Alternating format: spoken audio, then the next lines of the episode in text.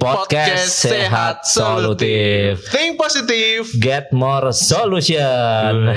Wes suwe ra ketemu kowe not iki. Iya, piye Mas? Kowe lagi anu bisnis bakul eh, batu akik apa piye? Eh, Iya Mas. Nek, tapi ora batu ginjal. Ya, udah. Bedanya apa ini? Lah iki. Ini kan sesuatu yang menarik tentang batu Sangat- ginjal ini. menarik. Ha, makanya kita datangkan ini ahlinya para pakar. Ngeri tenan. Pakar batu akik ora. batu ginjal. Ginjal. Siapa Mas Nonot? Ya. Ini ada Dr. Saiful Agung Wibowo, spesialis, Spesialis urologi. Ya. Selamat datang dokter. Selamat datang. Gimana kabarnya? Sehat dokter. Alhamdulillah sehat. Alhamdulillah sehat dokter. Ya, kali ini kita akan membahas tentang teknologi terkini penanganan Batu batu, ginjal. ginjal. ya. Bukan batu akik ya? Minimal invasif Tanpa sayatan. Wah, ini yang paling ngerti. Tanpa sayatan loh ya. Tanpa Berarti- sayatan. Berarti, rasa dioperasi Rasa. Dokter Septian nggak laku. Wah, iya no. Tanpa sayatan ya piye ya dulu. ya, ya, ya. ya, di samping dokter Agung kita juga Menghadirkan Menghadirkan narasumber juga. yang cantik ini. Wah, luar biasa. Ada Mbak Riza Dwi Agni. Iya, selamat siang ya Pak. Selamat siang Mbak Selamat Agni. siang. Selamat. Mbak, panggilnya Mbak Agni atau Mbak Riza? Bariza. Oh Mbak Riza. Sehat Mbak Riza. Alhamdulillah. Alhamdulillah. Luar biasa. Gitu dah. Alhamdulillah luar biasa. Allah Care for you. Iya. Ya, kita langsung aja ke pertanyaan ke Pertama. Dokter Agung Hmm. ini ya. Ya, seperti apa sih dok eh, penyakit batu ginjal itu dan Penyebabnya apa sih. penyebabnya? Baik, terima kasih Mas. Jadi eh, dari namanya Hmm. tadi kan sempat disinggung bedanya batu akik sama batu ginjal ya. Kalau batu ginjal itu adalah batu yang dia posisinya berada di ginjal. Oh. Jadi intinya eh, kristal-kristal yang tidak terlarut di dalam urin, di dalam kencing, Hmm. dia itu mengendap lama kelamaan di situ meng- mengendap endapannya mengeras sampai membentuk batu, senyawa tadi. padat Ya, eh, yang eh, bisa dilihat dengan mata atau Ah. makroskopis yang sampai bisa menimbulkan eh, masalah kesehatan, Hmm. gejala-gejala penyakit. Nah, itulah batu ginjal Mm-mm. karena posisinya berada di ginjal. Hmm. Karena kita harus membedakan eh, apa namanya dengan batu-batu di lokasi yang lain. Nanti namanya sesuai lokasinya. Oh gitu. Sih Mas, jadi dokter. Batu akik tadi. Batu lokasinya laki. Kalau itu dari kanunya kayaknya ini. Batu akik dari apanya? Karena ada batu ini apa namanya batu empedu. Oh iya batu itu kan batu yang dikandung Iya. empedu. Terus ada batu ureter. Oh, lokasi ureter ya, itu lokasinya saluran yang setelah ginjal. Hmm. Nah, mengalirkan kencing dari ginjal ke kandung kemih. Nah nanti di kandung kemih ada batunya namanya jadi batu, Batu kandung, kemih. Walaupun Oh. sebenarnya sama ya dok ya itu. Nah, Sama-sama batunya dari kristal sama. Dari kristal tadi. juga. Sama-sama batunya, Hmm. bahkan bisa batu kandung kemih itu berasal dari ginjal atau dari Oh, ureter gitu. bisa. Tapi karena berubah. posisinya sudah berubah, namanya, juga ganti. berubah. Oh. Berarti ini jenenge beda jeneng padha rupa. Angel gitu sih. Angel. Cenep-cenep. Terus ini resikonya gimana dok? Kalau katakanlah ada orang kan biasanya dok ya, wah dok batu, kemungkinan batu ginjal gitu ya. Terus kalau nggak ditangani itu gimana? Terus gejala-gejalanya apa sih dok? Maksudnya orang orang awam gitu ya kayak kita gitu. Oh eh, jangan-jangan itu batu ginjal gitu biar lebih aware tuh. Eh, kalau untuk mengetahui gejala awal atau deteksi dini, itu sebenarnya yang paling benar adalah dengan general check up dok. Oh general siap. Iya, Ah. general check up. Kenapa? Dan general check up eh, apa namanya dengan USG urologi atau USG ginjal. Oh. Karena batu apa namanya batu ginjal itu bisa kita deteksi itu dengan uh, USG itu semuanya Hmm. dan sekecil apa pun karena batu itu ada yang menimbulkan gejala ada yang tidak menimbulkan gejala Mm, oh gitu. kalau namanya deteksi dini kan harusnya dalam bentuk yang masih belum menimbulkan gejala, harusnya Iya iya iya. Oh Nah, gitu. nah itu makanya sebenarnya komponen dari general check up itu Harusnya ada sebaiknya USG ada ya. USG Hmm. USG abdomen, Abdomen, itu udah ya. jadi satu Mm, mm, mm. di situ diperiksa ginjalnya Ya. kalau gejalanya apa kalau sudah sampai eh, apa namanya menimbulkan eh, sumbatan, Mhm. sumbatan sumbatan kencing. Kalau dia batunya murni berada di dalam ginjalnya, ya Hmm. nyerinya nyeri tumpul ya. Hmm, Nyeri, tumpul nyeri gimana? tumpul itu nyeri kayak pegel gitu loh. Oh. Nah, tapi bedanya sama pegel nyeri boyok. Heeh. Nah, ini nyerinya tidak dipengaruhi oleh perubahan posisi maupun aktivitas. Oh. Jadi kalau nyeri misalnya nyeri boyok itu dia duduk nyeri, Oh. tiduran enak Oh. atau berkurang nyerinya, aktivitas tertentu enak. enak. Nah, itu karena nyerinya dipengaruhi oleh sistem gerak. Heeh. Sistem gerak itu terdiri dari otot apa otot sama tulang. Tulang, iya, Ya, iya. sama saraf Heeh, juga. heeh. Nah, tapi kalau nyeri yang karena batu itu dia posisi seperti apa pun nyerinya sama. Oh. Kalau sampai menimbulkan gitu ya. gejala. Heeh, heeh. Ada juga kalau eh, batunya itu sudah turun ya itu bisa menimbulkan nyeri kolik. Nyari kolik itu gimana? Nyeri kolik itu nyeri yang tajam, mendadak, hilang timbul. Jadi kayak ada frekuensinya itu loh. Jadi Hmm. intensitas tinggi, intensitas rendah, intensitas tinggi. Oh tiba-tiba nyeri gitu ya dok ya? Ya, disertai mual, muntah, keringat Oh, dingin. Oh berarti nyeri banget itu sampai Nyeri banget. Sampai Bahkan ada yang mengatakan kalau nyeri kolik itu eh, apa namanya orang yang pernah melahirkan Heeh, heeh. Kok kayaknya nyerinya sama kayak dulu saya waktu melahirkan. Oh, Sampai ada yang menyebutkan seperti itu ya. saking nyerinya nyeri kolik itu. hebat banget Oh. nyerinya ya. Iya. Ya. Kalau yang cowok kan nggak pernah lahirin itu. iya makanya Bandung untuk, ya. untuk, untuk gambaran seberapa nyerinya. Berarti nyeri sekali ya. Nyeri sekali. Terus kalau kayak gitu eh, apa sih dok yang bisa dilakukan? Maksudnya eh, Penanganan. ada- nah penanganannya maksudnya kayak kayak kita gitu orang awam. Oh pegel nih pegel-pegel. Eh, kita kan bisa tadi kan general Hmm. check up terus minta yang USG radiologi terus selain itu apa dok?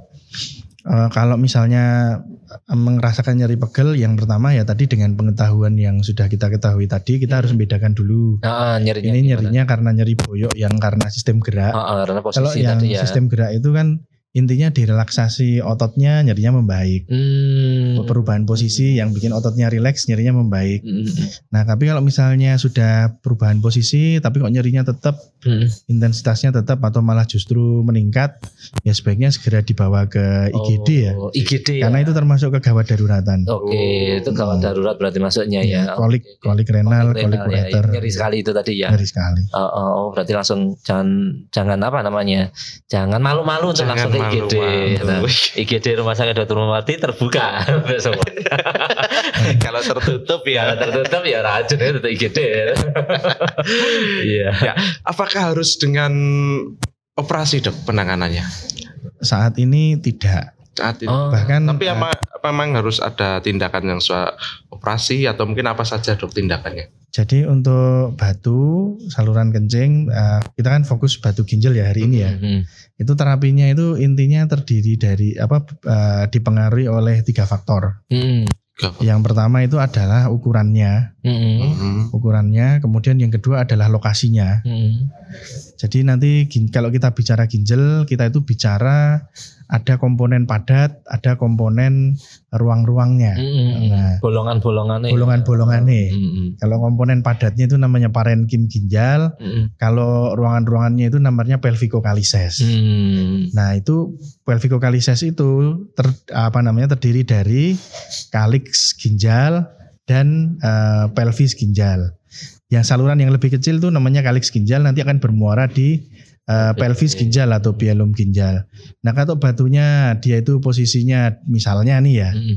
sederhananya posisinya posi- eh, berada di kaliks bagian bawah Hmm.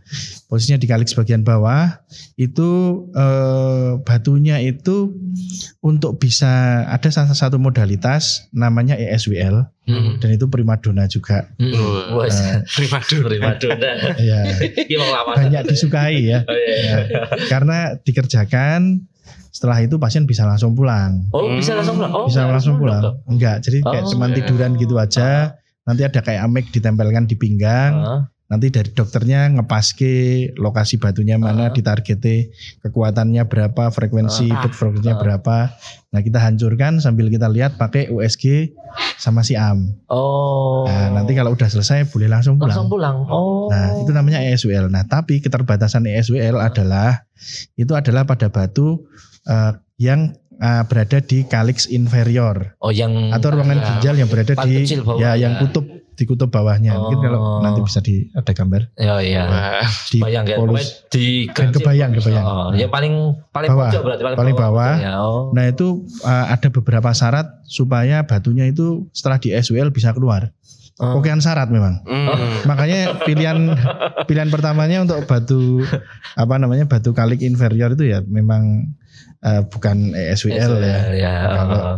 Kalau dia itu ya. ya syaratnya itu sudut antara uh, ruangannya tadi ya. Ah, ruangan lorong masuk ke kalik itu namanya infundibulum. ah, Sudut yang dibentuk antara infundibulum dengan pelvis renalis atau ruangan tengah-tengah Ah. yang muara dari kalik tadi itu harus lebih dari 90 derajat oh. supaya pecahan batunya bisa keluar. Oh, kira Kalau ini terlalu tajam, Ya, oh, Angel iya. oleh menculat. Ya, Kebayang kan ya milik saya. Nah. Jadi ini modelnya kotak ini loh. Pecah nang ngene yo, kamu nggak rene ini piye Ah. bisa kayak gitu ya.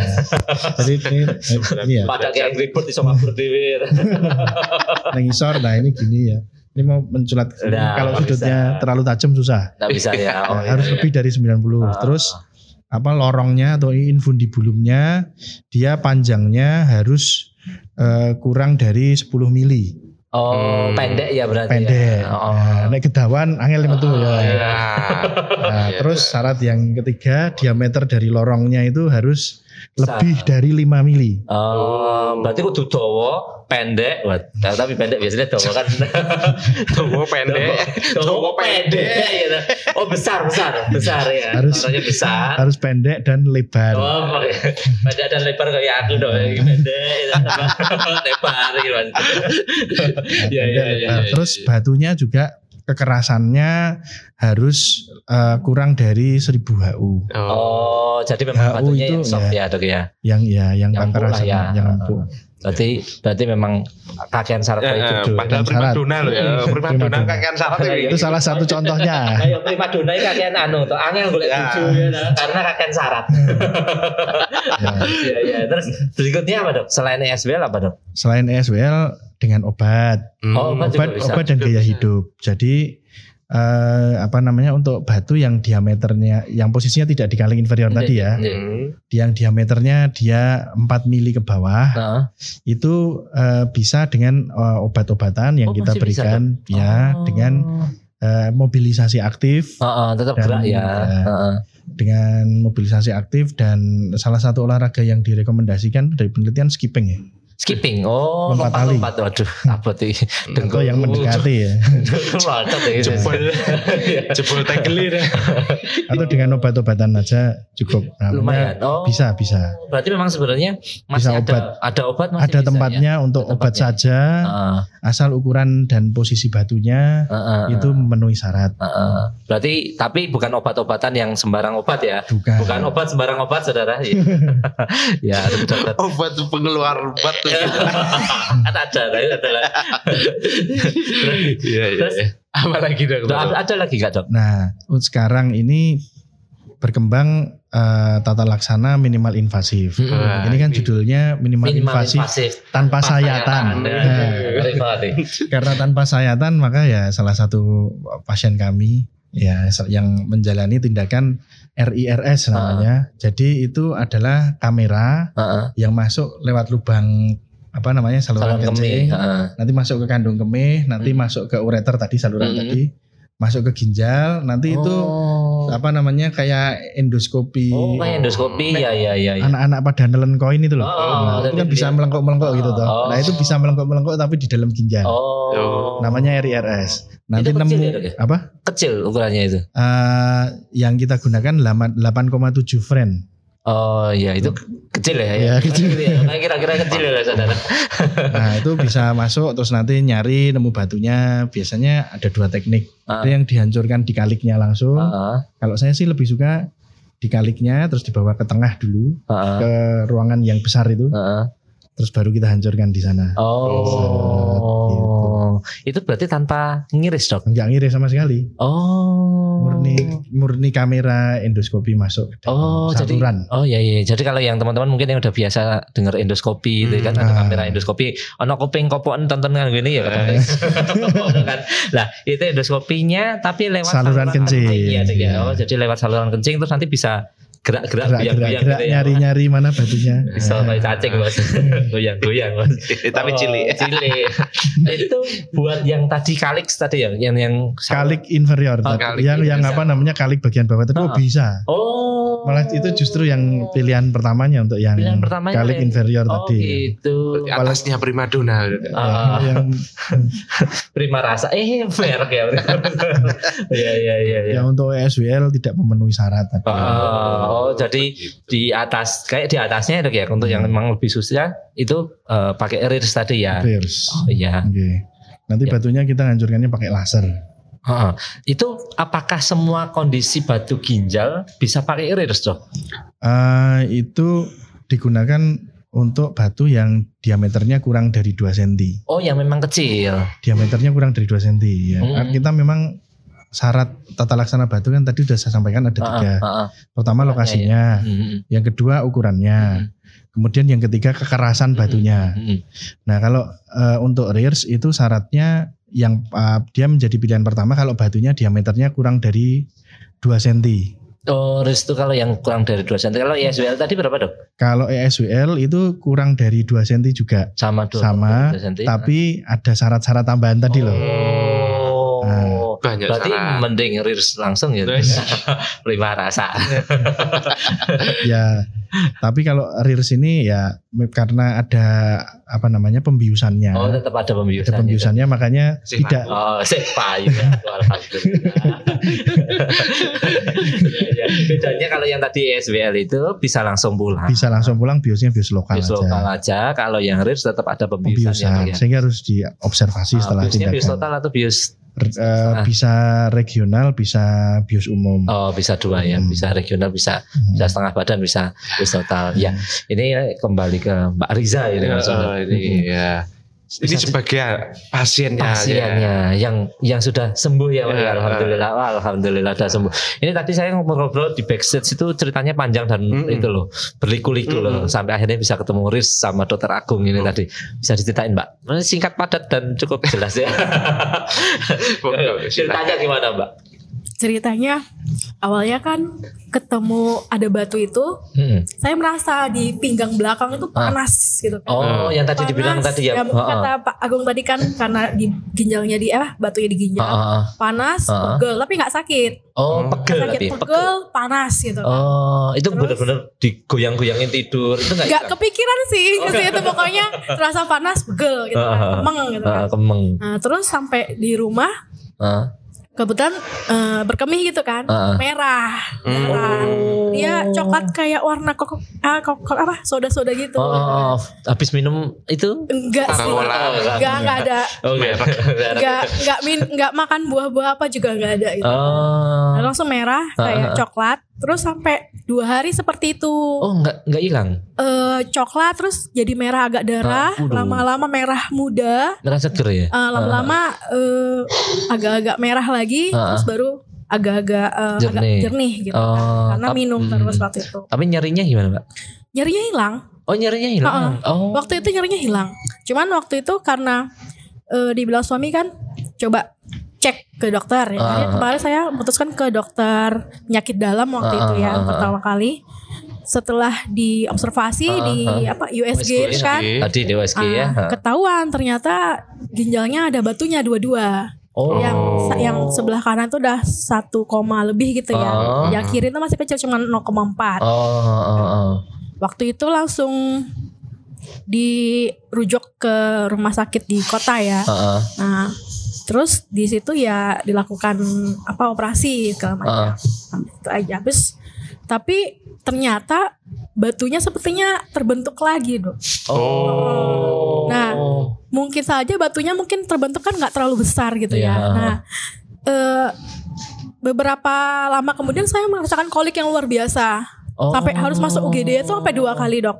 Yang Dua kali iya, itu? kolik. ha. Oh. Jadi oh, benar-benar yang ya mungkin kayak kata Pak Agun tadi kan eh, apa nyeri nyeri banget Ah. nyeri nyerinya tuh sampai kayak nahan nyerinya tuh kayak gemeter gitu ah. saking sak- Sakit saking banget ya? sakit banget akhirnya eh, sama orang rumah dibawa ke UGD waktu itu cuman waktu itu em, belum belum ini sih belum ke kontrol ke dokter urologi kan memang dari. UGD disarankan ke urologi, Urologi, ya. Nah, ternyata pada saat saya ke urologi ternyata eh, di CT scan dulu kan awalnya kan. Heeh. Baru ketahuan di situ ada batu yang nyumbat di apa di pintu pintu ginjalnya itu yang saluran pertama kalinya itu di situ sumbat. Oh. Jadi iya, iya, iya. kalau dari hasil CT scan itu udah membesar ya di, di dalam-dalamnya itu udah hitam-hitam Oh. semua besar gitu kan. Oh, ginjalnya udah jadi tambah besar berarti, Mbak? Iya waktu Oh, itu. Terus iya, iya, iya. eh, hasil darahnya pun juga agak tinggi kreatininnya kemarin Oh, tuh. udah naik juga. Iya berarti. sampai Oh. 4, koma sekian Oh, gitu tinggi loh. sekali ya. Iya. Sebenarnya em, gimana ya? Waktu di situ saya juga ternyata bukan cuma batu ginjal lagi yang ke, ke saya. Jadi udah kayak ada penurunan fungsi ginjalnya gitu. Oh, oh, karena itu ya. Oh, jadi- itu berapa lama, Mbak? Maksudnya dari yang dulu kejadian itu sampai yang uh, koliks itu berapa lama? Itu sebenarnya kejadiannya awalnya yang waktu di rumah sakit daerah itu Ah. em, saya nggak langsung ke dokter waktu itu Hmm. karena Oh. kita kan kurang literasi karena apalagi kalau waktu itu kan dokternya nyarakan eh, operasi waktu itu. Oh, iya. Takut dulu. Saya kan- Eh, Lo bayanginnya ke operasi kan, dih dipotong nih ginjalnya nih. Aduh, jadi takut, jadi eh, konsultasi sama orang-orang sekitar kan, terus disuruhnya minum jamu lah, minum ramuan lah, Wadah. minum obat Tapi lah. bener tadi pakai telur gak tadi? Enggak sih, enggak sih. Waktu itu kondisi seperti itu kan, tapi lama-lama kok nggak sakit. Saya pikir ah udah hilang gitu kan. Jamu-jamu tadi ya. Ternyata enggak. Ternyata Oh. dalam setahun itu yang tadinya cuma satu koma jadi tiga koma sekian gitu. Dalam satu tahun Dalam ya, satu ya? tahun itu. Oh, Nah, di cepet situ ya. saya sudah merasakan gejala yang selain kolik tadi Oh, kan, oh, tambah sampai yang ya. Gatel badan-badan tuh gatel semua, Oh. terus kering apa kulit-kulit tuh kering, Iya, iya, iya, kaki iya. bengkak, matanya Oh, agak bengkak. bengkak juga? Iya, kemarin tuh. Karena Oh. yang terakhir itu eh, sempat nggak bisa berkemih, Pak. Oh, sampai dua hari. Oh, sampai dua. Oh. Iya, dua hari nggak bisa berkemih. Uh, ini rasanya kayak apa ya? Itu kalaupun ada keluar kemih dikit gitu kan, itu sakitnya luar biasa kayak kayak dibakar api gitu, Uh. saking perihnya. Makanya nggak bisa Ah, ah, ah, tertahan. Itu yang habis yang satu tahun jaraknya satu Iya, tahun itu ya. Oh, iya. Makanya akhirnya memutuskan masuk ke IGD yang Iya. gitu ya. Uh, uh, uh. Terus terus setelah itu kan uh, kan sempat udah operasi ya Mbak ya. Si, Uh, bentuk lagi. terus bentuk lagi. Nah terus ceritanya gimana kok bisa sampai ketemu sama dokter Agung ini? Sama dokter Agung. Ah, salah aja kayaknya. Jadi nasib nasib. Siapa yang jaga poli ya? Itu doang sebenarnya. Ya. waktu itu sih memang saya kan dari kampung kan ke sini gitu Ah. kan. Ah, dulu kan waktu operasi pertama eh, asumsinya udah bersih ah. kan. ternyata terbentuk lagi. Nah, Terbentuk saya lagi, akhirnya ya. kolik masuk ke UGD di Ah. Solo ini kan. Uh, Baru di situ eh, ada tindakan pertama itu yang darurat gitu sebenarnya Ah, ah, kan. Eh, waktu itu di URS waktu itu. oh DWRS. Jadi, uh, Waktu itu disampaikan dokternya itu kita fokus ke fungsi ginjalnya dulu gitu Ah, kan. ah, ah. Jadi kita lihat dulu apa penyebabnya ada penurunan fungsi ginjalnya. Baru setelah ginjalnya agak-agak kuat lah ya kan. Ah. Karena waktu itu memang kondisinya memang udah turun kalau ya. dari FGR tuh dia udah CKD 4 lah. Oh, loh, udah stadium 4 ya. Iya, kalau dari hasil darahnya itu ya kan. Udah sempat cuci darah dulu. enggak, enggak, Oh, enggak enggak. Cuman karena itu baru belum terlalu lama ya saya Ah. biarkan seperti itu. Jadi karena kolik, kebetulannya syukurnya dikasih kolik. Kalau enggak saya mungkin nggak sadar ya untuk berobat gitu kan. Iya, iya, iya. Akhirnya dikasih kolik, terus akhirnya di WRS. Setelah itu eh, agak enak. Oh, emang enak, enak Ah, ya. Nggak pusing, nggak mual. Ah, ah, ah. Pipisnya, pipisnya lumayan keluar lancar ya. karena waktu itu langsung dikasih selang. stand gitu ya, kan. dikasih Iya. selang-selang. Ah, gitu jadi ya. untuk masalah kencing apa Ah, ah, nggak ada ah, masalah. ah, ah. Terus terus. Habis itu Mm-mm. em, ternyata pas kan habis operasi kan diobservasi lagi kan Ya, di CT scan. ya. Ah, Ah, dievaluasi. ah. Di CT scan, di USG, di ronsen Hmm. ternyata masih ada batunya. Yang di ginjal Oh. itu. Iya, iya, iya. akhirnya Oh, dirujuk ke Muardi. Dokter Muardi. Ya, ketemulah dokter Agung ya kan. Nah, terus di di Muardi itu terus gimana, Mbak? di Muardi awalnya kan diobservasi lagi kan. Ah, dilihat. ah. Terus karena batunya itu nggak terlalu besar, terus dari Kecil, hasil ha. CT scan tuh dia cuma 600 HU gitulah. Maksudnya nggak nyampe 1000 Oh, nggak sampai gitu seribu. Yang tadi yang lunak, Ah. batu lunak tadi ya. Terus akhirnya dokternya nyarankan kita SBL aja. Oh, Nah, karena karena kan kecil, itu kan nggak pakai nginap gitu Iya, kan. gitu kan. kan bisa keuntungannya bisa kan langsung pulang gitu kan. Cuman tetap aja Pak, saya takut sebenarnya kalau SBL. karena Takut kan sebelum. ya, karena ya. sempat trauma juga kan yang Ya. waktu Operasi yang pembedahan dulu yang ya. pembedahan itu kan lumayan lama itu. Oh. Sampai sampai sebulan itu kayaknya masih di kasur, kamar kasurnya Oh. nggak bisa beraktivitas normal ah, gitu ah. kan. yang yang dulu pas awal awal yang awal operasi, dulu ya. Akhirnya di SWL, ah. SWL karena batunya itu 1,5 lah gitu kan. ukurannya. Nah, oh, akhirnya di mepet-mepet ya. SWL. Pecah memang. Mm, mm, mm. Cuman eh, nggak keluar juga. Karena mungkin Karena tadi kita ya, kata dokter kan ah, yang syarat-syarat itu sudutnya, dari kan ah, memang ah. kalau digambar dari CT scan itu kan kelihatan dia di bawah banget. ah, kan, ah. Pak. oh Jadi pas bawah ya. sebenarnya udah diusahain minum banyak, Ah, ah, ah. skipping tadi sempat Skipping, ah. Oh, loncat-loncat kan, oh, ya. kan ngikutin saran dokter aja Iya, gimana iya, kan. iya. Skipping loncat-loncat tuh nggak keluar-keluar Ah, juga ah, gitu ah. kan. Akhirnya diobservasi lagi, oh ternyata baru ketahuan kalau batunya itu di bawah. kan. Bawah banget ya. Akhirnya daripada lama-lama, soalnya waktu itu kreatif saya masih 2, sekian Oh lah. perbaikan ya Pak? ya? Iya, karena Jadi yang dari awalnya 4, Empat. habis di URS itu terus turun Jadi dua, jadi iya. dua ya. Oh, Iya. Alhamdulillah. Tanpa cuci darah ya. tanpa cuci darah Tanpa hampir, mudah-mudahan iya. enggak. Iya. Ah, terus terus Ya udah habis dari situ baru diambil kan batu. dipakai rears tadi ya. Pakai itu yang Pakai rears. alat yang bisa Oh, oh, bisa lengkok-lengkok gitu. ya. Nah itu pengalamannya Mbak Riza pakai alat yang tadi rears apakah sama kayak dulu waktu operasi pembedahan yang pertama enggak? Enggak sih, enggak. Beda, beda banget, Beda beda, banget. jauh, beda jauh. Oh, bedanya apa takut, kamu? tetap takut nggak? Takut.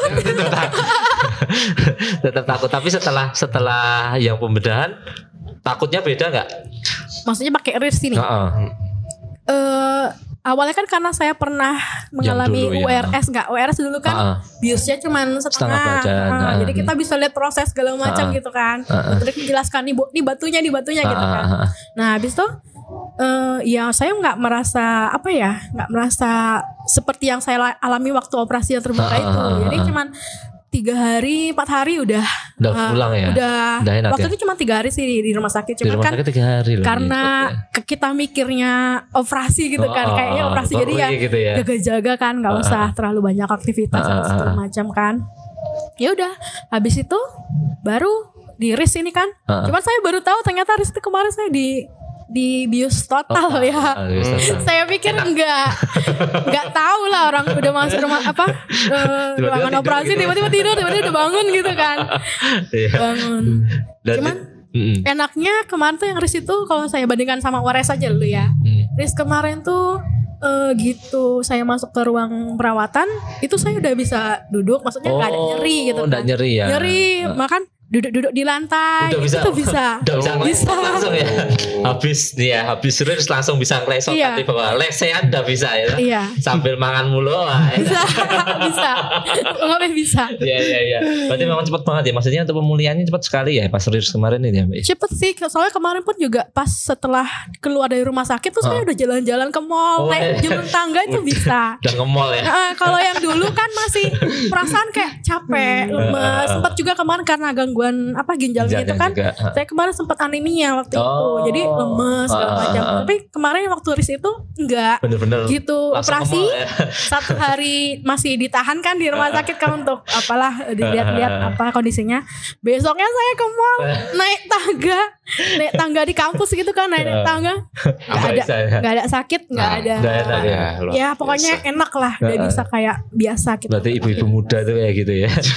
Selesai dari rumah sakit langsung ke mall. Nah, ya. Eh, sehat itu berarti rumah ya. rumah sehat ya dah. mall ya ini memang luar biasa ya berarti memang Rirs ini penyembuhannya memang lebih enak ya dok ya iya Eh. iya terus untuk satu lagi eh, Mbak Risa itu kreatininnya saya penasaran nih habis di Rirs ada tam- eh, tambah perbaikan atau kemarin udah di ya habis RIS itu sebenarnya saya kan hmm, pernah dikasih tahu sama Pak Agung pun kalau ginjal itu kan kalau dari bengkak itu nggak bisa langsung Iya, pemulihannya ya. sembuh gitu Ah, kan. Jadi masih ada jeda waktu itu saya satu bulan sejak Ah, situ ah. saya cek darah. ah, ah, ah. Ternyata sudah normal. Oh, udah normal. Ureumnya normal, kreatinnya normal. Itu saya bersyukur Wah, banget itu. Sebutkan aja berapa? Uriumnya berapa? Kreatinin berapa? Uriumnya kemarin berapa ya? 20 berapa ya? 20. Pak, ya. Kreatininnya Satu. Satu. satu ya. Oh, Ah. Dari kreatinnya 4 loh.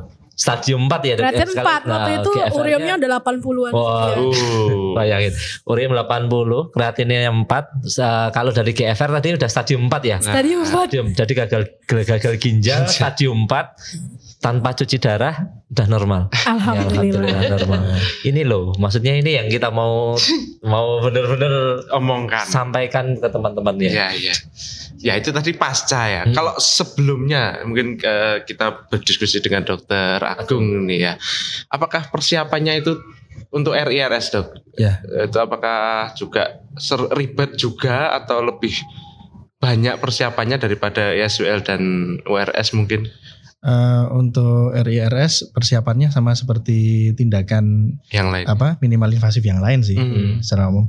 Cuman eh, kalau pasiennya sudah pada Mbak Risa ini kan sudah terpasang digisten sebelumnya. Oh, sudah Oh. ada. Jadi tadi dia diameter ureternya dia cukup lebar untuk dimasukkan alat. Ah, ah, ah, ah. Nah kalau Betul. misalnya yang sebelumnya belum pernah dipasang digisten, ya biasanya kita berikan obat yang untuk mengeluarkan batu itu Oh, minimal dua minggu. Oh dua minggu Minimal dua sebelumnya. minggu kita berikan obat, harapannya batunya kan nggak keluar. Ah. Kalau nggak keluar ya minimal salurannya melebar. Oh, Ah, gitu. gitu. Dua minggu sebelum per- eh, pelaksanaan Rearsnya itu. dari ya. rearsnya. Tindakan ah. tersebut. Mungkin saya boleh memberikan komentar sebentar tentang tadi yang disampaikan oleh Mbak Risa. Hmm. Jadi Mbak Risa itu dulu eh, yang pertama batunya itu kan besar. Hmm, hmm. Diameternya 3,4 cm ya. 3,8. 3,8 cm. Ah, Itu dilakukan pembedahan terbuka ya. Jadi ginjalnya open, di open. ah, ah, oh. Nah, di open terus eh, rentang beberapa saat kemudian terjadi eh, hidronefrosis bilateral Oh. di rumah sakit salah satu rumah sakit di eh, Kota Solo. Di situ hidronefrosis bilateral Ah. sampai menimbulkan saya sih curiganya ke arah acute kidney injury ya, mungkin sedikit mengkoreksi ya. Oh, gagal ginjal tadi ya. Ya, Hmm. acute kidney injury, Hmm. eh, AKI, AKI bedanya AKI sama CKD kalau AKI itu dia sifatnya reversible. Jadi kalau sumbatannya dihilangi, harapannya fungsi ginjalnya bisa membaik kembali. Oh. Tapi kalau CKD memang dia itu bisa diperbaiki tidak akan bisa kembali ya. normal. Ah, ah, ah, ah. Nah, itu kemudian eh, dilakukan tindakan URS.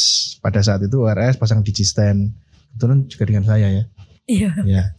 Terus eh, apa namanya? Kita tindak lanjuti dengan tindakan ESWL dan eh, apa namanya? Ternyata batunya tetap susah keluar. Oh ya karena tadi ya Hmm. syaratnya kakean tadi ya. Kakean syarat.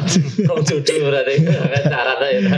ya akhirnya eh, bisa kita kerjakan. Alhamdulillah bisa bersih dengan rears satu kali Ah. kanan dan kiri ya. Oh risnya dua kali. Oh, Ini kenapa salah satu alasan kenapa bios umum adalah Karena dua Ini saya kerjakan rears. Kiri. kanan eh, ginjal kanan kiri. Oh iya. Jadi iya, ginjal iya, iya. kanan itu masih ada sisa batunya, ginjal kiri juga masih ada sisa batunya. Ah, ah, ah. Kita kerjakan rears langsung sekali pada sekali waktu untuk Dua ginjal kanan langsung. dan ginjal kiri. Oh, berarti bisa ya dok ya? Bisa, Bisa. langsung dua ya? Bisa. satu Makanya itu salah satu syarat apa salah satu alasan kenapa kok kami memilih biosnya umum. umum. Oh iya iya iya. Alhamdulillah bisa. Alhamdulillah. Alhamdulillah dan akhirnya jadi normal kembali dok ya. Penyebabnya hilang, ginjalnya kembali. Amin. Alhamdulillah. Terus sekolahnya ndang dulu jadi. Amin. Amin amin. Ya, ini eh, yang menjadi pertanyaan mungkin semua sobat Muarti yang ada di rumah Mm-mm. dan di mana pun dok. Eh, untuk biaya dokter, apakah bisa tercover dengan BPJS? Lo jelas. Oh jelas. jelas. Al- Dia Jelas ditanggung BPJS. Kemarin Mbak Mbak Riza operasi RIS bayar gak? Enggak. Wah. Gratis. Makanya Lampung Lampung teko Muarti to langsung ngemol Medan. ya toh. Medan Medan. Medan, Medan, Oh, Medan. balik Medan. Ya ya ya. Terus itu dok, apakah perlu eh, kan sudah dilakukan RIS tindakan segala macamnya, apakah perlu harus ada kontrolnya juga dok? Dan Ya. kontrolnya selama berapa lama setelah pasca tindakan dok? Sebenarnya kalau sudah bebas batu, pasien itu kalau misalnya mau balik ke Medan ya boleh ya. Intinya adalah menjaga eh, gaya hidup menjaga gaya hidup yaitu eh, minum eh, minimal 2 liter 2 liter sehari. untuk orang Indonesia ya Heeh. apa, kayak Mbak Riza ya Heeh. ukuran tubuhnya beliau ya. Eh, idealnya sih dua setengah liter Dua setengah liter. Ya, Oh. untuk aktivitas biasa maksimal 3 liter oh, kalau per aktivitas- 24 jam Oh, 24 banyak jam. ya tuh ya tiga terus eh, mobilisasi aktif Eh, jangan terlalu banyak rebahan Waduh. Wah. Iki kau rebahan, gagel.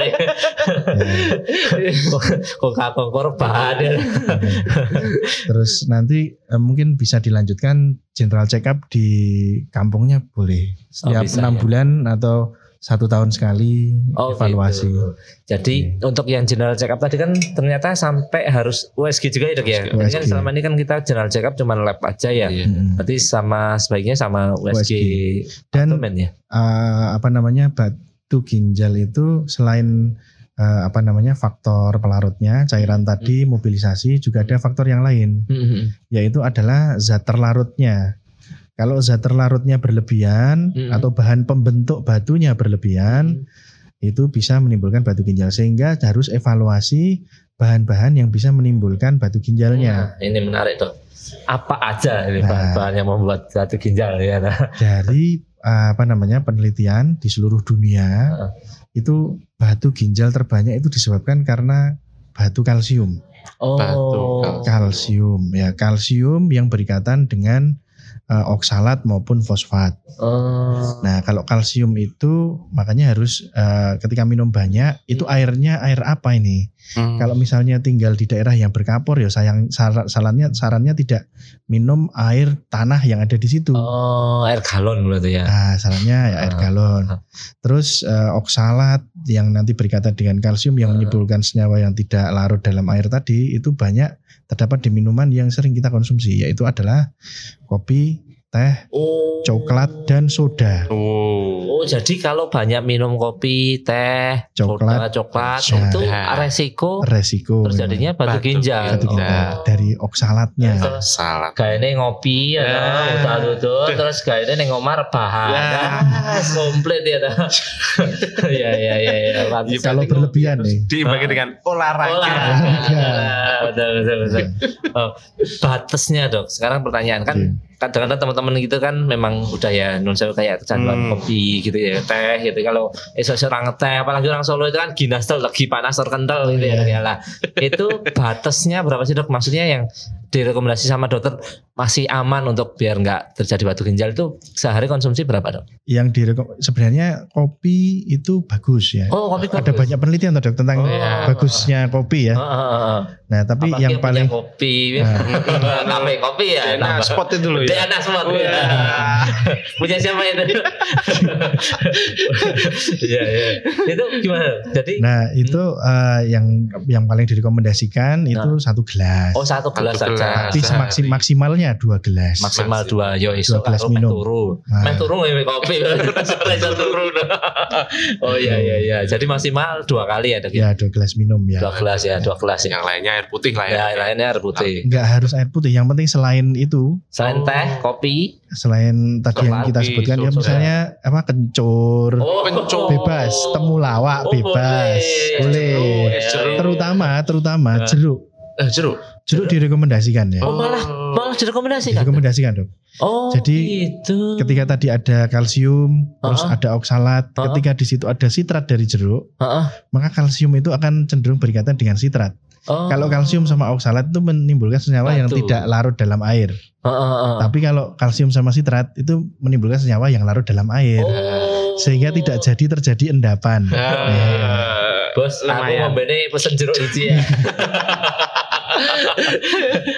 aman dong, woy. jeruk guys. Jadi esok ngopi, awan jeruk ya. Jadi kan kan imbang, kan Ya. imbang. ya. Iya iya iya. Salah tadi. Oh, Sintrat. Oh, sintrat. Iya iya.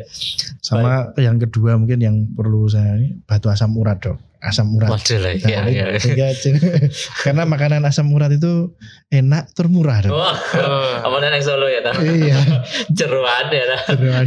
Sambel. Kalau itu dok, yang tadi asam urat itu larut juga sama sitrat tadi kan? Enggak. Sayangnya enggak. Sayangnya enggak ya. baik, baik, baik dok ya. Padahal sarap ning Lamongan. Ah, Lamongan Karena itu dulu ya. Pesen deh dulu ada kena usus macam-macam ya ya ya. Ya baik. Luar biasa ini sekali. ini menarik sekali sebenarnya bahasan kita sebenarnya mau lebih panjang lagi kalau lebar lagi. Ah, Cuman- tapi produsernya udah bilang kat kat kat terus Ah? Produsernya saya ini galak produser sing wingi soalnya lagi pelatihan gitu. Ini galak tenan ya. Eh, seramu. aku. Baik dok yang terakhir dok. Ini pesan-pesan dari Dokter dokter Agung. Nggih. Uh, buat teman-teman sobat muarti dok tentang batu ginjal dengan pelayanan minimal invasif tanpa sayatan itu. Siap. Intinya untuk batu ginjal lebih paling bagus itu mencegah Mencegah. daripada mengobati. Wes. Jadi jangan sampai ada batunya. Ya. Terus yang kedua, tadi sudah tahu ilmunya. Kalau eh, ternyata ya kodarullah sudah ada batu ya deteksi dini. Deteksi dini. Deteksi dini, deteksi dini yang paling bagus ya itu general check up setiap enam bulan sampai Enam dengan bulan. satu tahun sekali. 6 ya. bulan sampai satu tahun. Salah satunya dengan cek eh, apa lab USG. dan USG abdomen. Oke, betul. Kemudian yang ketiga, jika kok kebetulan sudah ada batunya, Mm-mm. ya di Rumah Sakit Dr. Muardi sudah bisa mengobati semua lini, Semua lini. mulai dari obat, ESWL, Heeh. PCNL, RIRS, Heeh. ECIRS. Oh ada juga ya. Mas, ECIRS itu batu batu-batu yang rumit ya. Oh, Itu kombinasi antara PCNL sama RIRS. Ah. Kita sudah bisa mengerjakan. Heeh, heeh. Berarti pelayanannya udah paripurna ya, ya? Paripurna Wah. dan ditanggung BPJS. Ah, tanggung kuncinya itu, kuncinya tanggung BPJS. Baik. Terus dari Mbak Risa ini ada pesan-pesan nggak buat teman-teman Sobat sobat Romarti? Pesan-pesannya hmm, kalau teman-teman sudah tahu ada batu ginjal dikit aja langsung aja ke dokter urologi jangan kayak saya yang saya alami sampai bertahun-tahun akhirnya mau besar gitu Mm-mm. malah jadi ke mana-mana merembetnya kan. Hmm. jadi nggak usah takut kalau mau cek ke dokter urologi belum tentu dibedah sih belum tentu. belum tentu buktinya saya nggak dibedah sembuh juga gitu Alhamdulillah. jadi langsung aja gitu jangan sampai nunggu darurat atau gimana. Pokoknya kalau ada tanda-tanda dicurigai punya batu ginjal gitu kan langsung aja nggak usah takut. Nah, ah, Nah, usah kadang kan orang takut karena nggak tahu ya tapi Iya. kadang kan sekarang saya udah tahu gitu kan oh gini bisa. Ah, nah, ah, ah, ah. ngambil batunya nggak pakai sayatan. sayat Iya. Ya, jadi lebih nyaman Ah, ah. Terus langsung ke mall besoknya. iya jadi nggak takut lagi sebenarnya cuman ya ya luar biasa sekali ya pesan-pesan dari Mbak Risa. Oke ini dokter ya eh, waktu juga yang akan memisahkan kita. Aduh sedih sekali. Balik ini kita ngombe jeruk ya. ya. ya terima kasih sekali lagi untuk narasumber kita pada kali Agung, ini. Mbak Risa. Mbak Risa, semoga Sudah. ilmunya bisa bermanfaat dan Insya Allah. terserap oleh sobat-sobat muar sekalian. Iya. Positif. Podcast sehat solutif. Think positive, get more solution. Bye bye.